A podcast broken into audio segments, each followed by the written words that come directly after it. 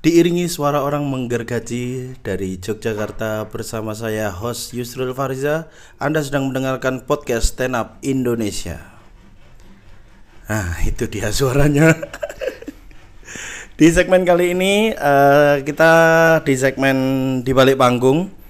Di depan saya sudah ada dua orang yang menjadi apa ya menjadi sosok di balik panggung eh, acara-acara eh, stand up comedy utamanya di Yogyakarta yang mungkin kalian semua pernah mendengar stand up gunung satu stand up gunung dua.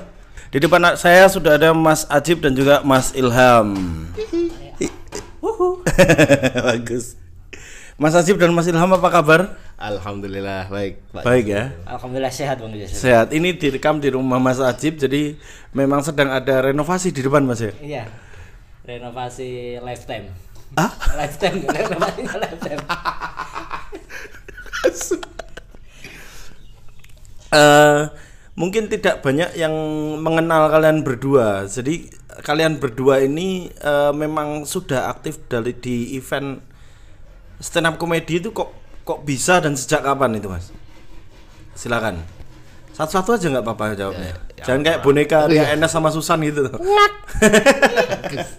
Nggak usah, nggak usah ada bunyi-bunyian. Nggak boleh ya nggak boleh kalau saya pertama kali itu nyemplung di event itu awalnya dari stand up sebetulnya semuanya berawal dari stand up ikut open mic Lo Ajib tuh pernah open mic tuh? Pernah UNJ ya UNY. Oh pernah. semuanya pernah bro Oh semua pernah. Semua pernah. Oh, iya terus lanjut. akhirnya kan yang tidak lucu tidak lucu ini kan berkumpul menjadi satu Ternyata- Harusnya saya bergabung sih harusnya. enggak kalau Cuman situ- waktu itu saya nggak punya nyali aja sih Enggak, kayaknya. itu udah lucu itu udah lucu saya tahu muntah-muntahnya jenengan kalau mau tampil saya tahu mau mic muntah-muntah saya tahu nah, dia nggak lucu nggak lucu itu membentuk perkumpulan sendiri ternyata kita semua memiliki bakat yang sama yaitu mengorganisir sebuah acara. Nah, Sudah dari sejak kapan itu kalian menemukan bakat itu? kalau saya sejak gabung sa- s- beberapa tahun setelah gabung sama eh, open mic setelah bergabung sama open mic. Kalau Ajib mungkin udah agak lama dari Mac Magenta ya?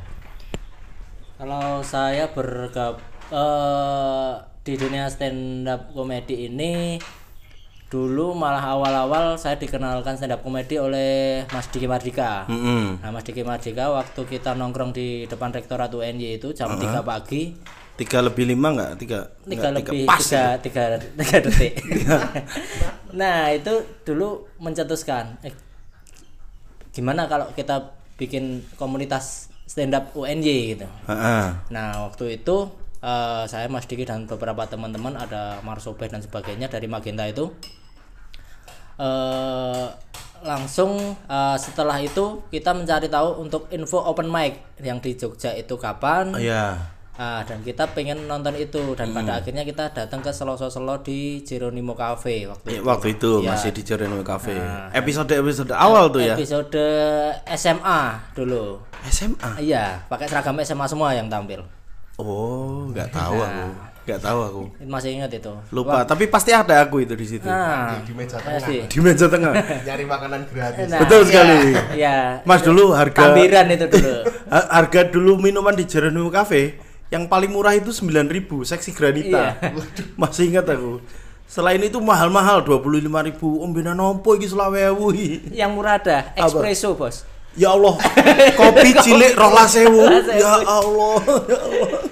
itu dulu saya beli espresso itu tapi cuk cukisnya itu Cookies, cookies, ya, cookies. itu dimakan temennya Oh iya kan dapat 12.000, Iya, itu iya, dapat dapat cookies ya satu. nah cookiesnya itu dimakan temennya Aduh, sial banget itu wis kopi cilik saya larang pahit lah Pahit nih.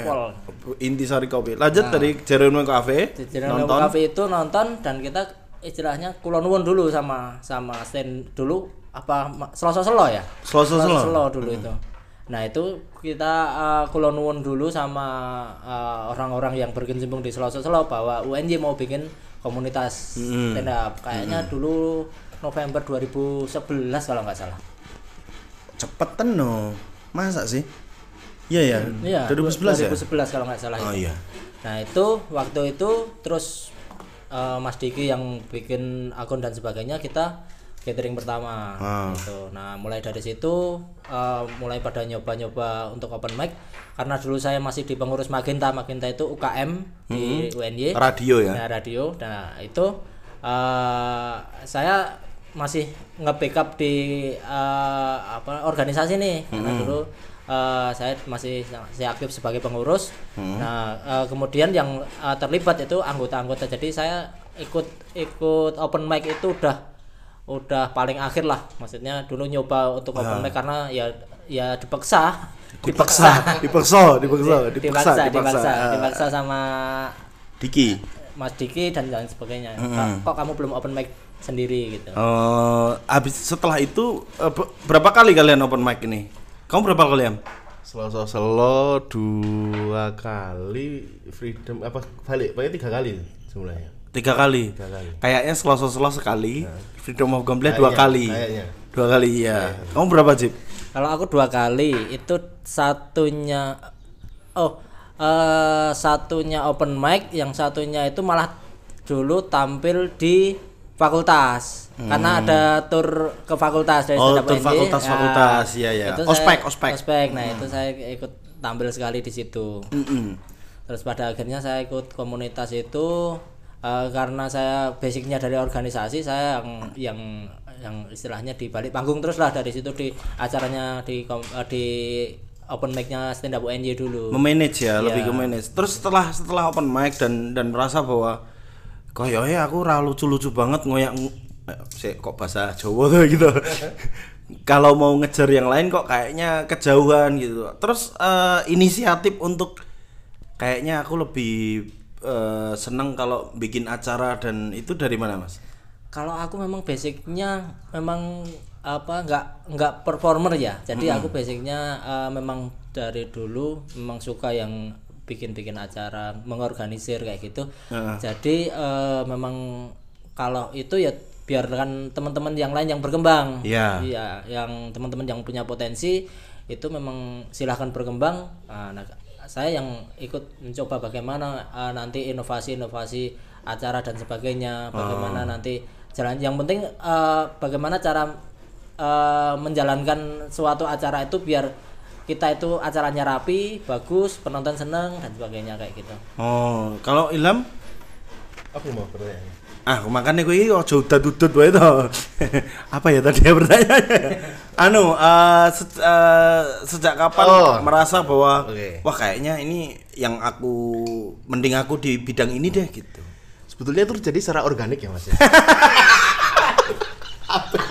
ape wele ape ape ape Lanjut. jadi karena sering kumpul waktu itu di Jeronimo Cafe Mm-mm. ketemu di situ juga ada teman-teman orang radio dan kalau nggak salah dulu tuh sering ada banyak orang off airnya Jeronimo kalau nggak salah dulu ada Mas Farid HRT juga Betul, betul, betul. terus ya maksudnya perkenalanku sama anak-anak off air itu bermula dari situ karena kenal sama anak-anak itu terus akhirnya diajak selora kan modelnya gitu kalau di Jogja. Ah, kalau Sel- Jogja. selora melu yuk gitu. ikut yuk Oh. diajakin pertama kali kalau nggak salah tuh event aku lupa eventnya Jeronimo pokoknya eventnya Jeronimo terus setelah sering sama Jeronimo terus diajakin sama Mas Adit Mas Adit itu alumni Adit ada alumni Magenta juga Oh, iya. alumni Magenta sama-sama anak event juga Mm-mm. kalau kalau kalau Mas Adit itu cah event ya Oh, Ah, anak IO juga.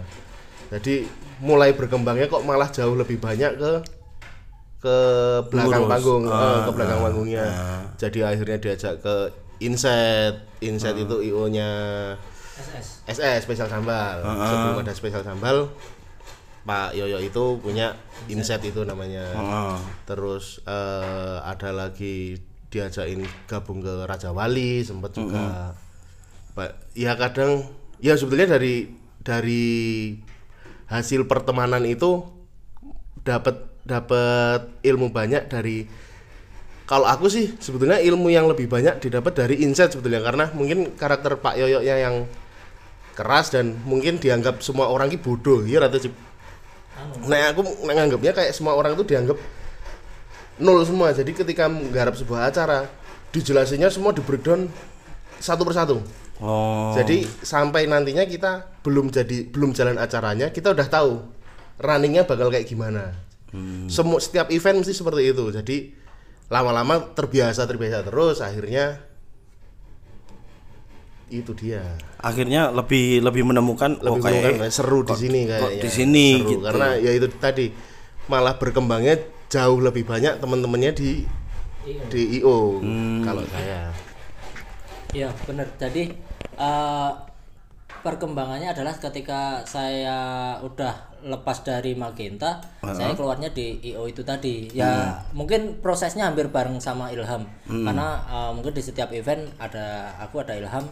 Malah eh, kita terbentuk dari event-event yang yang istilahnya event-event profesional yang memang dari dari apa istilahnya instansi-instansi yang yang memang benar-benar resmi bukan Iya. dari komunitas gitu. ya Nah itu memang benar memang eh, dulu diajari sama eh, Inset dan Pak Yoyo itu malah istilahnya ngajarinya memang benar-benar menganggap kita itu memang bukan bukan bodoh ya kalau istilah saya jadi memang memang cara ngajarnya beliau itu memang ini loh mulai dari awal harus patternnya harus mem- menanamkan nilai dalam suatu event itu mulai dari hal yang terkecil Oh. dari hal yang detail gitu. Mm, mm, mm. Jadi mulai dari situ tahu detail-detail acara itu apa. Mulai dari eh, saya mulai ikut di bagian produksi, terus mulai dari bagian acara, bagian nanti eh, apa hospitality yang ngurusin artis, ngurusin makan dan sebagainya. Jadi tahu oh kelengkapan event itu seperti ini dan sebagainya. Jadi detail-detailnya pun sampai sampai tahu sampai misalkan eh, komponen harga per item itu juga juga tahu Oh. gitu. Lalu setelah eh, ber- berkenalannya kalian dengan dunia event, dengan dunia di balik panggung, saya kan tahu kemudian kalian ber, apa ya sering diajak sama Mas Anang Batas waktu itu ya. Kalau itu dulu saya saya sama Mas Anang itu mulai dari Universitawa. Universi oh Universitawa yang di ya. UGM. Ya UGM. Heeh, heeh, heeh. Nah itu eh, waktu itu Mas Anang mau bikin show dan oke nanti dibantu sama teman-teman sama teman-teman komunitas. Heeh. Kebetulan dulu yang eh, kampus. Iya komunitas kampus yang dekat dulu eh, UNY. sama UNY dibantu sama teman-teman UNY dan Win. Win kalau nggak salah dulu. Jovan nggak sih? Jovan kan? Iya, Jovan juga.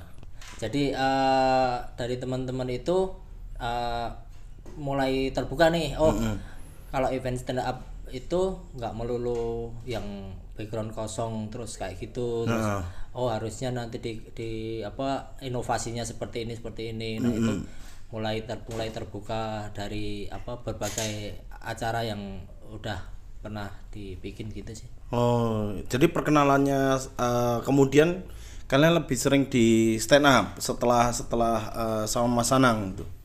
Ya karena memang enggak, maksudnya gini kalau kalau memang di stand up dulu memang jalurnya eh, sama Mas Anang karena Mas Anang concern di event-event stand up waktu Iya, itu. heeh. Tapi kita tetap di luar pun kita tetap event eh, seperti biasa, misalkan acara musik lewat ya itu tadi ada Raja Wali, ada Insa dan sebagainya. Jadi jadi istilahnya kita ya ya buruh buruh cuman cuman Kalau aku sih mm, mulai mulai sering garap event stand up ketika udah kenal sama Mas Anang. Hmm. Jadi sebelum kenal Mas Anang pun udah jalan saya. Justru malah saya, waktu ak- aku dulu tuh pernah buat event stand up yang hadiahnya motor, Heeh.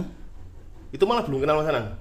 Oh. Jadi yang inset Wah, untuk berkecimpung di event mulai yang stand up, stand mulai up. acara stand up setelah kenal Mas Anang kan. Oh. Karena mungkin Mas Anang lihat oh ini ada bakat nih bisa dia. Siapa? Il- kamu. Oh Oh ya, ya. mungkin anak-anaknya Coim, Heeh. Jovan, Jovan, waktu itu, Ilham, itu, Ajib. Ajib. Mulai sering eh, ikut sama Mas Anang, habis itu eh, apa eh, kalian stand up gunung, stand up gunung yang pertama dan kedua. Dua ya. Bagaimana ceritanya kalian bisa eh, akhirnya terlibat dan diajak di situ? Sama dulu nih Ajib apa aku. Jadi obrolan stand up gunung itu waktu itu terjadi sangat cepat waktu itu. 5 menit. enggak kurang. Lebih berarti. waktu itu habis ada acara di SoundCloud YK itu sempat buat acara camping namanya S- SCYK Music Camp Oh ya, yang di anu ya di tempat yang di sama. tempat yang sama di Wonogondang. Belum lama dari itu itu juga deket-deket sama jazz gunung ya. Deket sama jazz gunung. Pokoknya wa- waktunya deketan jazz gunung. Terus musik SCYK Music Camp. Heeh. Terus AW main ke Jogja. Oh ya. Waktu di Klatak ngobrol-ngobrol lah itu. Heeh. Tiba-tiba lali aku siapa sih mulai ya obrolan itu ya. saya nggak ikut kalau pas Oh, awi enggak. ya pokoknya tiba-tiba ada yang ngetok, ada yang ngetok, ada yang Eh, masuk. ada yang masuk, ada yang masuk. Wah, bahas acara stand up yang yang dikawinkan dengan camping. Oh. mm. Ada yang masuk bilang, wah, Pak bahasa Jawa ini sesuai eh, waktu itu ya. Boleh, Nanti ada translate-nya. kan? Ya ada translate-nya, ada translate-nya. Oh, gue kaya sing tak omong ke mbiyen kita, Ham. Nggak langsung kayak gitu. Oh, itu seperti yang aku bicarakan dulu kan? Nah, itu. Ham. Nah, gitu. Nah, awalnya dari situ, Heeh. terus mulai itu ngobrolnya malam, besok paginya langsung survei ke Wonogondang. Malam ngobrol, Malam besok ngobrol, paginya langsung paginya survei. Wonogondang. Heeh, terus survei, lihat lokasi. Setelah itu AW pulang lah di Jogja, kita jalan, jalan sendiri timnya Mas Anang, aku Ajib, ya bertiga bertiga. Hmm. Jadi Mas Anang pembagiannya gimana sih? kalau jadi gini us eh kalau dulu itu memang karena karena se- masih semangat ya maksudnya acara-acara untuk stand up itu kan belum banyak yang yang stand up night dan sebagainya kayak gitu Iya, ya, belum apalagi di Jogja. Iya, apalagi di Jogja. Ah. Nah, terus eh, dan inovasinya juga bagus waktu itu ja- jadi antusias banget untuk kita ngerjainnya karena eh, setelah kita ngerjain SCK Music Camp Iya. itu kan eh, wong yang ngerjain juga aku juga ikut terlibat sama Ilham. Jadi kita tahu bagaimana rasanya kita bikin acara terus ngecamp di situ terus nanti seru- keseruannya seperti apa. Nah itu bagaimana kalau itu nanti kita tuangkan di acara stand up gitu. Nah itu eh, memang dulu antusias banget karena itu memang baru pertama kayak kayaknya baru pertama deh itu acara acara stand up di outdoor di hutan nggak di maksudnya di Iya, bumi outdoor lah. Ah, gitu. Cooper. Itu kan eh, kayaknya dulu yang yang pertama. Jadi kita masih excited banget untuk untuk ngerjain itu. Karena, Karena- ya- yakin yakin bakalan bakal ada bakal ada efek yang yang beda dari penonton ketika nonton di acara di di bumi perkemahan gitu. Juga konsepnya unik ya. ya konsepnya unik. Nah itu dulu kita kerjain. Eh ya karena dulu tim intinya bertiga ya eh, aku Ilham sama Mas Anang jadi dulu eh istilahnya ya kita rembukan di situ mulai dari eh, budget juga rembukan di situ terus nanti pro- konsep produksinya seperti apa konsep nanti acaranya seperti apa seperti itu. Dan dulu memang Mas Anang lebih lebih punya pengalaman di bidang eh, event ya Event, karena dia ah. dulu juga punya IO dan IO. sebagainya. Nah itu eh, oke lah dengan konsep-konsep seperti itu. Iya. terus eh, mulai dikerjakan dan sepertinya juga eh, waktu itu Awi juga antusias dengan acara ini Iya. Tapi tadi Ilham sempat bilang bahwa iki lak podo sing tak omongke mbiyen nah, ada ada obrolan. Berarti sebelumnya sudah ada rencana untuk membuat camp apa, konsep event stand up dengan camp camping. Eh, kalau saya ingatku sih ada kita ada obrolan eh, waktu itu ya memang karena camping musik camp itu. Musik camp. ya. Oh, musik musik camp itu camp. ngobrol-ngobrol Ngobrolnya pun di musik camp. ngobrolnya di musik camp. Oh, untuk membuat acara stand up dengan konsep stand up apa iki nek? Oh, oh sepertinya stand up bagus saya ini. ingatku saya ingat itu kayak gitu. Nah mungkin eh, karena gayung bersambut dari Awi ya udah dikerjain aja gitu Oh, dulu tuh bukan jazz gunung, Am. Prambanan jazz. Gunung. Enggak ya? Gunung. gunung. Oh, jazz gunung. Makanya terus ter- terbesit pikiran untuk namanya stand up gunung itu Oh. Terus eh, apa sih yang yang jadi kendala waktu eh, seiring berjalannya apa ya? Seiring berjalannya eh, konsep dari stand up gunung ini, Mas. awal-awal itu ya memang berdarah-darah ya karena kita nggak sampai berdarah banget kan? berdarah ke- kena nganu. Oh susuben susuben oh bisa bisa bisa. Maksudnya itu untuk segala prosesnya itu memang memang butuh effort yang lebih waktu itu. Karena yang pertama sumber pendanaan nggak ada kita cuman menang istilahnya konsep dan keyakinan. Heeh. jadi eh, waktu itu karena memang mulai dari awal ya ya kita yakin aja dengan tiketing karena karena eh, dulu ya sponsor karena waktunya juga pendek ya pendek dulu maksudnya nggak Sebenarnya sponsor itu bukan dalam bentuk fresh money, ad- ada sponsor dalam bentuk support sound system, mobil iya sih? mobil mobil mobil mobil. mobil nah, ada tuh Oh ya, ada beberapa Iya. yang dari dari pihak transport dan Oh, sebagainya iya. itu ada sumbangan-sumbangan mungkin dan sebagainya. Tapi kalau untuk yang sponsor utama itu memang nggak ada kan. Hotel. Nah, hotel ada ya hotel hotel hotel ada Jadi Ingat aku, Bro. dulu memang mengandalkan mengandalkan tiketing eh, yang utamanya memang ya gimana caranya kita jualan gitu. Mm-mm. Dan kalau untuk kendala teknis memang dulu yang paling susah itu karena ini order ya. Heeh. Eh, kalau stand up itu kan memang harus harus apa nuansanya harus enak gitu kan. Nggak nggak ada gangguan-gangguan. Apalagi outdoor kan rentan dengan gangguan seperti itu. Betul. Akan akan susah untuk fokus. Jadi dulu gimana caranya ini biar tetap fokus. Nah dulu ketika survei memang oh ini areanya memang cukup menarik karena areanya jauh dari hingar-bingar kota gitu. Jadi eh, untuk orang sekitar pun warga sekitar pun mau datang juga jauh dari dari perkampungan gitu. Jadi kayaknya ini masuk untuk untuk acara itu karena memang sudah di sebelum-sebelumnya acaranya memang di situ untuk kondisinya memang enak. Cuman dulu terkendala gimana kalau hujan ya dulu hujan. sempat hujan nggak sih stand up gunung tuh? Yang pertama malah hmm, enggak, yang pertama enggak. yang pertama enggak ya? Yang pertama enggak. Padahal udah siap-siap pasang plastik untuk Plastik. oh untuk ter- terpal. Bukan terpal plastik. Plastik untuk, ya, mayungi gitu ya, kan, untuk mayungi itu. Itu malah yang pertama panas banget. Sebetulnya hampir setiap event apa pun dengan konsep baru acara perdana itu pasti dijadikan eh, istilahnya modal untuk acara berikutnya dari dari portofolionya itu untuk nanti ke depannya biar bisa dapat sponsor lagi. Jadi kalaupun event pertama itu eh, misalkan hitungannya rugi secara materi, menurut saya sih hampir semua event yang rugi di pertama itu hitungannya tetap untung karena ya itu tadi untungnya berupa portofolio, Portofolio. terus eh, bergain ke sponsor, nah ke- itu bergen. tetap ke media segala macam itu kan tetap berupa untung yang harusnya sih itu dihitung untung. Jadi untuk event yang pertama itu sepengetahuan kita berdua setelah ada kendala nih kendala sebenarnya dapat dapat jadi dapat banyak pelajaran dari acara stand up gunung yang pertama. Yang jelas dari produksi alur produksinya da- berapa hari sebelum acara primernya seperti apa kita jadi udah punya datanya. Terus eh, lokasinya kayak gimana kita udah bisa kira-kira untuk arah ma- misalkan jam jam segini matahari mulai keluar itu kan kita juga ada punya gambarannya jadi itu yang menguntungkan di acara stand up gunung yang kedua.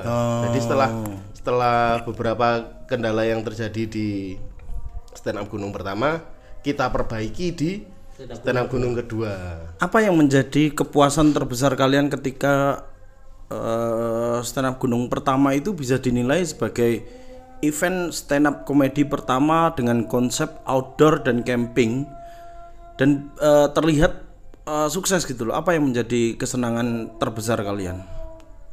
Kalau aku sih nggak nggak cuma apa ya nggak nggak cuma stand up sih. Maksudnya semua event pun ketika digarap terus ngelihat penonton seneng ngelihat penampilnya juga seneng itu udah jadi kepuasan. Ketika ketika kita jalanin sebuah acara waktu itu kan aku jadi saudi pas hari hanya Mm-mm. nggak ada kendala di jalannya acara jalannya acara halus nggak ada nggak ada maksudnya molor juga nggak terlalu yang ini ya kan ya maksudnya itu udah jadi kepuasan pribadi dalam menjalankan tugas istilahnya kayak gitu. Hmm, hmm. Kalau Cip apa? produksi Iya sih, kalau kalau aku sih eh, kepuasan tersendiri itu ketika eh, a- apa ya? Yang pertama penonton, penonton seneng dan sebagainya. Mereka mereka tidak ada komplain dan sebagainya itu itu reward buat buat saya karena ber- oh berarti ini apa yang aku persiapkan, apa yang aku kerjakan berarti eh, sesuai dengan ekspektasi mereka. Jadi eh, ya istilahnya eh, Buat gawe ini rasio-sio gitu. nggak sia-sia. Heeh. Ini maksudnya ini bukan ngomongin tentang apa ya namanya eh, Reward. istilahnya reward uang dan sebagainya. Karena kalau kalau kita per- ngomongin ngomongin uang kalau dulu memang di komunitas kita nggak istilahnya memang ini pengabdian untuk untuk komunitas gitu loh. Hmm. Jadi aku aku sendiri menanamkan itu sejak dulu di Maginta ketika Hmm. aku di komunitas itu aku nggak mencari uang di komunitas. gitu. Nah itu juga aku bawa sampai eh, event-event stand up yang itu berbasis komunitas. Heeh, heeh.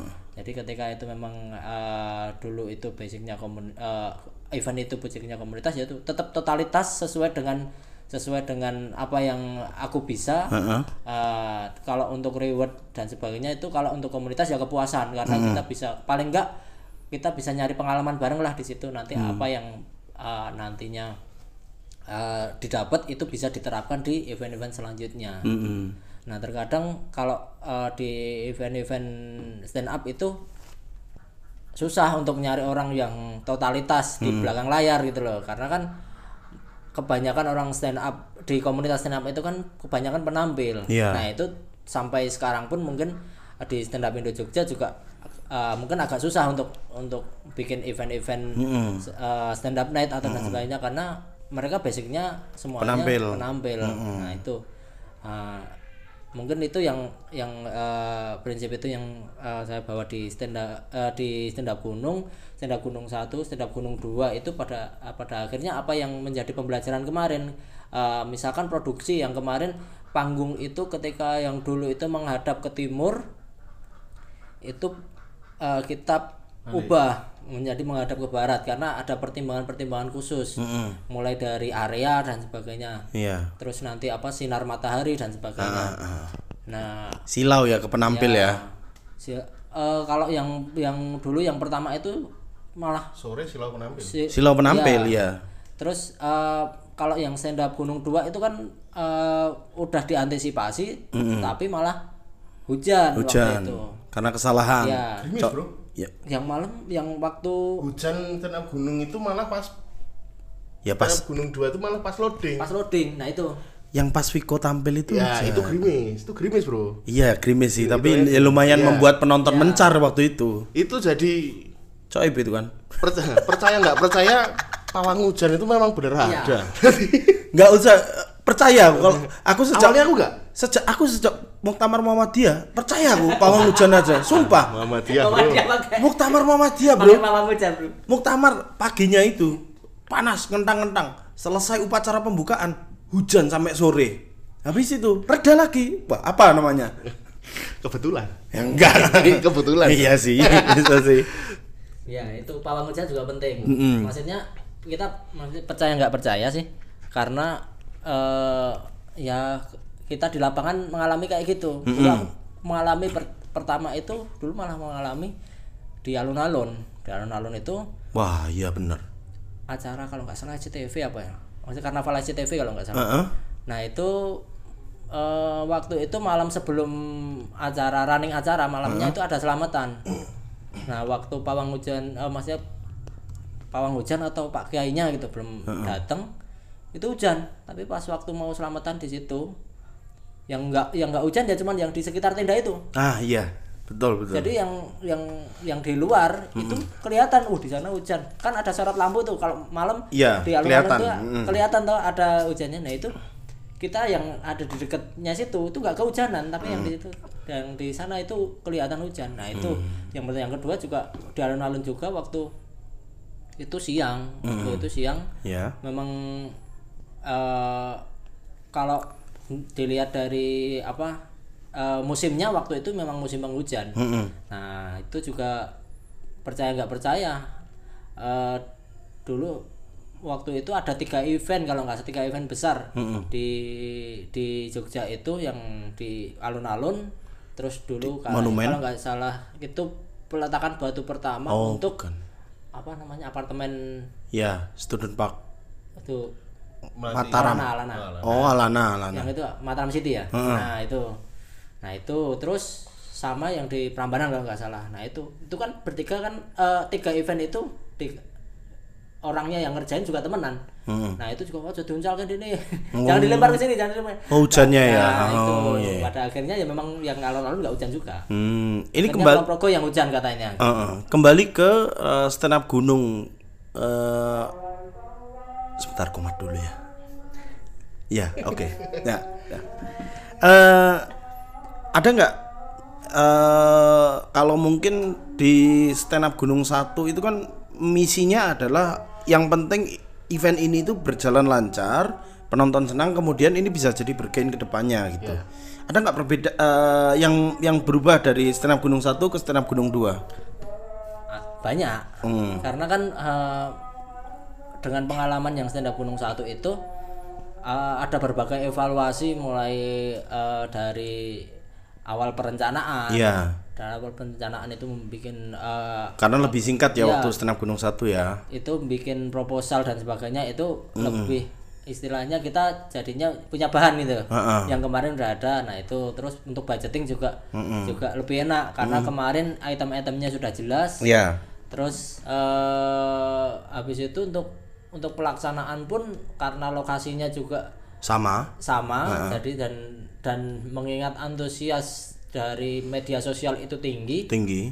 nah itu juga diberlakukan untuk eh, perubahan layout waktu itu Hmm, ya ya ya. ya.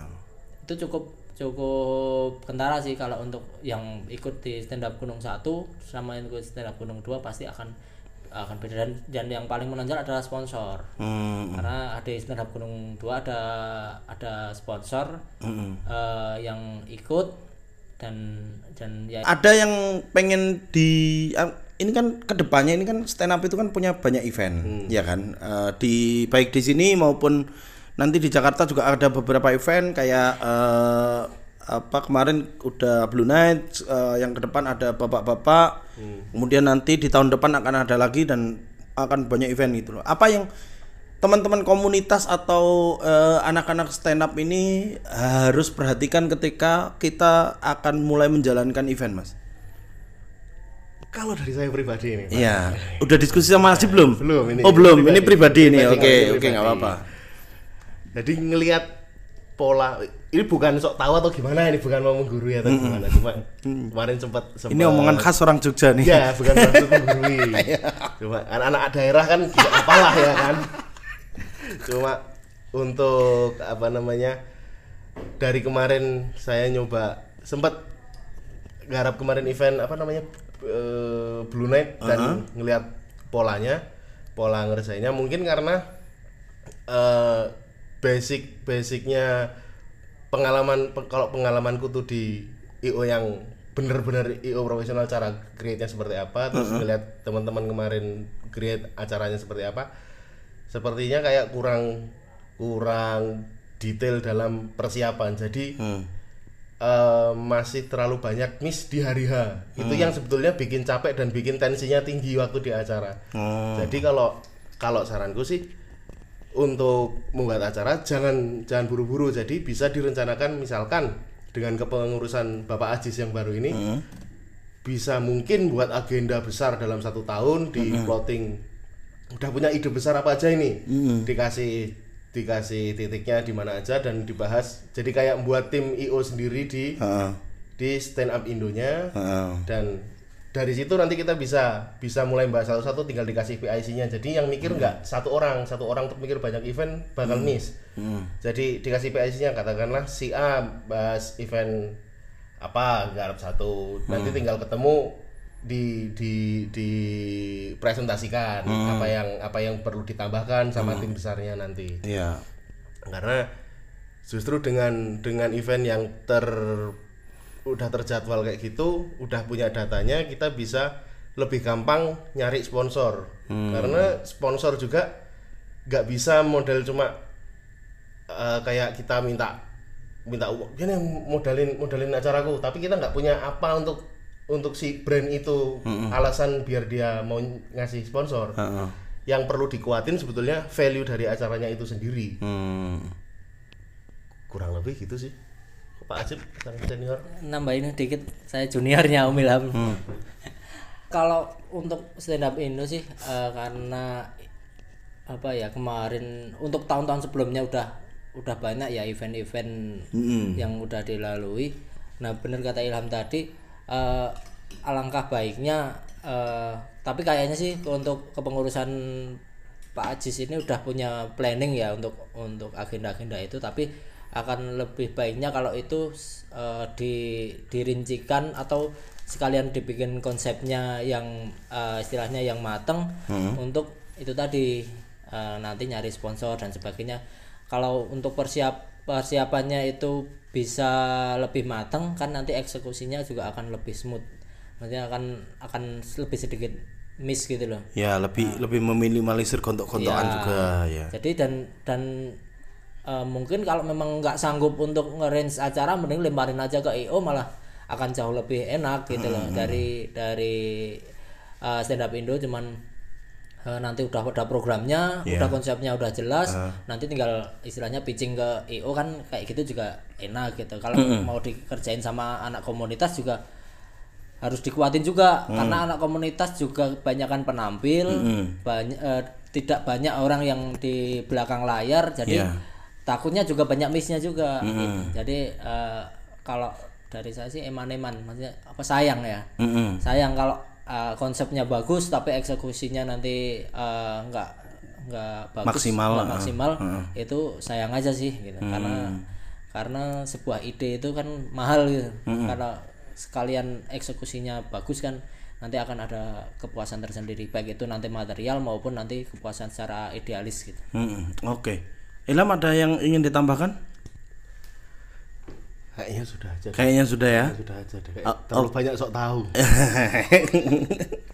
Oke, terima kasih Mas Ajib juga Mas Ilham. terima kasih Eh, apa ya? eh, terima kasih juga atas eh, saran-sarannya dan semoga bukan Tidak saran sih apa. menggurui Eh, saya iya, iya. yakin di stand up ini Nanti pun tak cut kok ini. kan bisa tak cut tuh. Terima kasih Mas Ajib dan juga Mas Ilham eh, atas obrolan-obrolannya. Semoga eh, obrolan ini menjadi manfaat ke depan ya. manfaat manfaat ke depan. Oke teman-teman, eh, sekian dulu obrolan di balik panggung podcast Stand Up Indo kali ini. Terima kasih sudah mendengarkan. Ingat, terima kasih. Sampai jumpa. sampai jumpa mantap